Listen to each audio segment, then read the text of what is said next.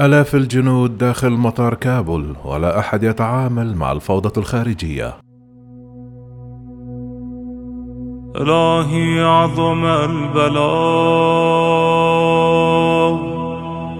وبرح الخفاء وانكشف الغطاء قال مسؤول غربي لوكالة رويتر الأربعاء أنه تم إجلاء حوالي خمسة آلاف من الدبلوماسيين وموظفي الأمن والإغاثة والمواطنين الأفغان من العاصمة كابول في الساعات الأربعة وعشرون الماضية.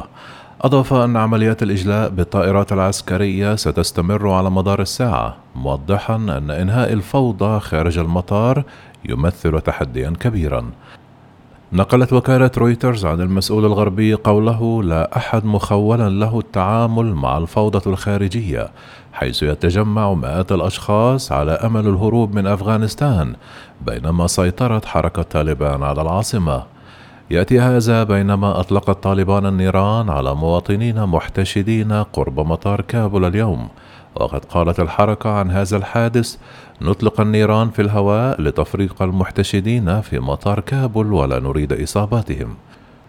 كما نقلت الوكالة عن مسؤول أمريكي تأكيده أن 4500 جندي يتواجدون الآن في مطار كابول. بدوره قال المتحدث باسم وزارة الدفاع الأمريكية البنتاغون جون كيربي أن المئات من العسكريين سيصلون اليوم إلى أفغانستان معتبرا أن الوضع ما زال متحركا في أفغانستان ومؤكدا أن عدد الجنود الأمريكيين الآن على الأرض هو 4500 جندي. كما أوضح كيربي أن القوات التي ستصل اليوم إلى كابول كانت متواجدة في منطقة عمليات القيادة المركزية. وشدد على أن عملية الإجلاء مستمرة والمطار مؤمن والطائرات العسكرية والمدنية تنطلق من المطار.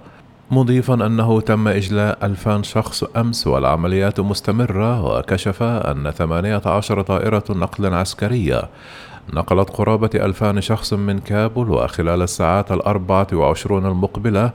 العمليات تستمر بالوتيرة ذاتها. شدد قائلا نعمل على إخراج أكبر عدد بأسرع وقت ممكن. مضيفا أن 22 ألف أفغانيا قد يصلون إلى الولايات المتحدة وسيتم إيوائهم في ثكنات عسكرية أمريكية. كشف كيربي أن الرئيس الأمريكي جو بايدن يجتمع الآن مع وزير الدفاع لويد أوستن ورئيس هيئة الأركان المشتركة بشأن أفغانستان.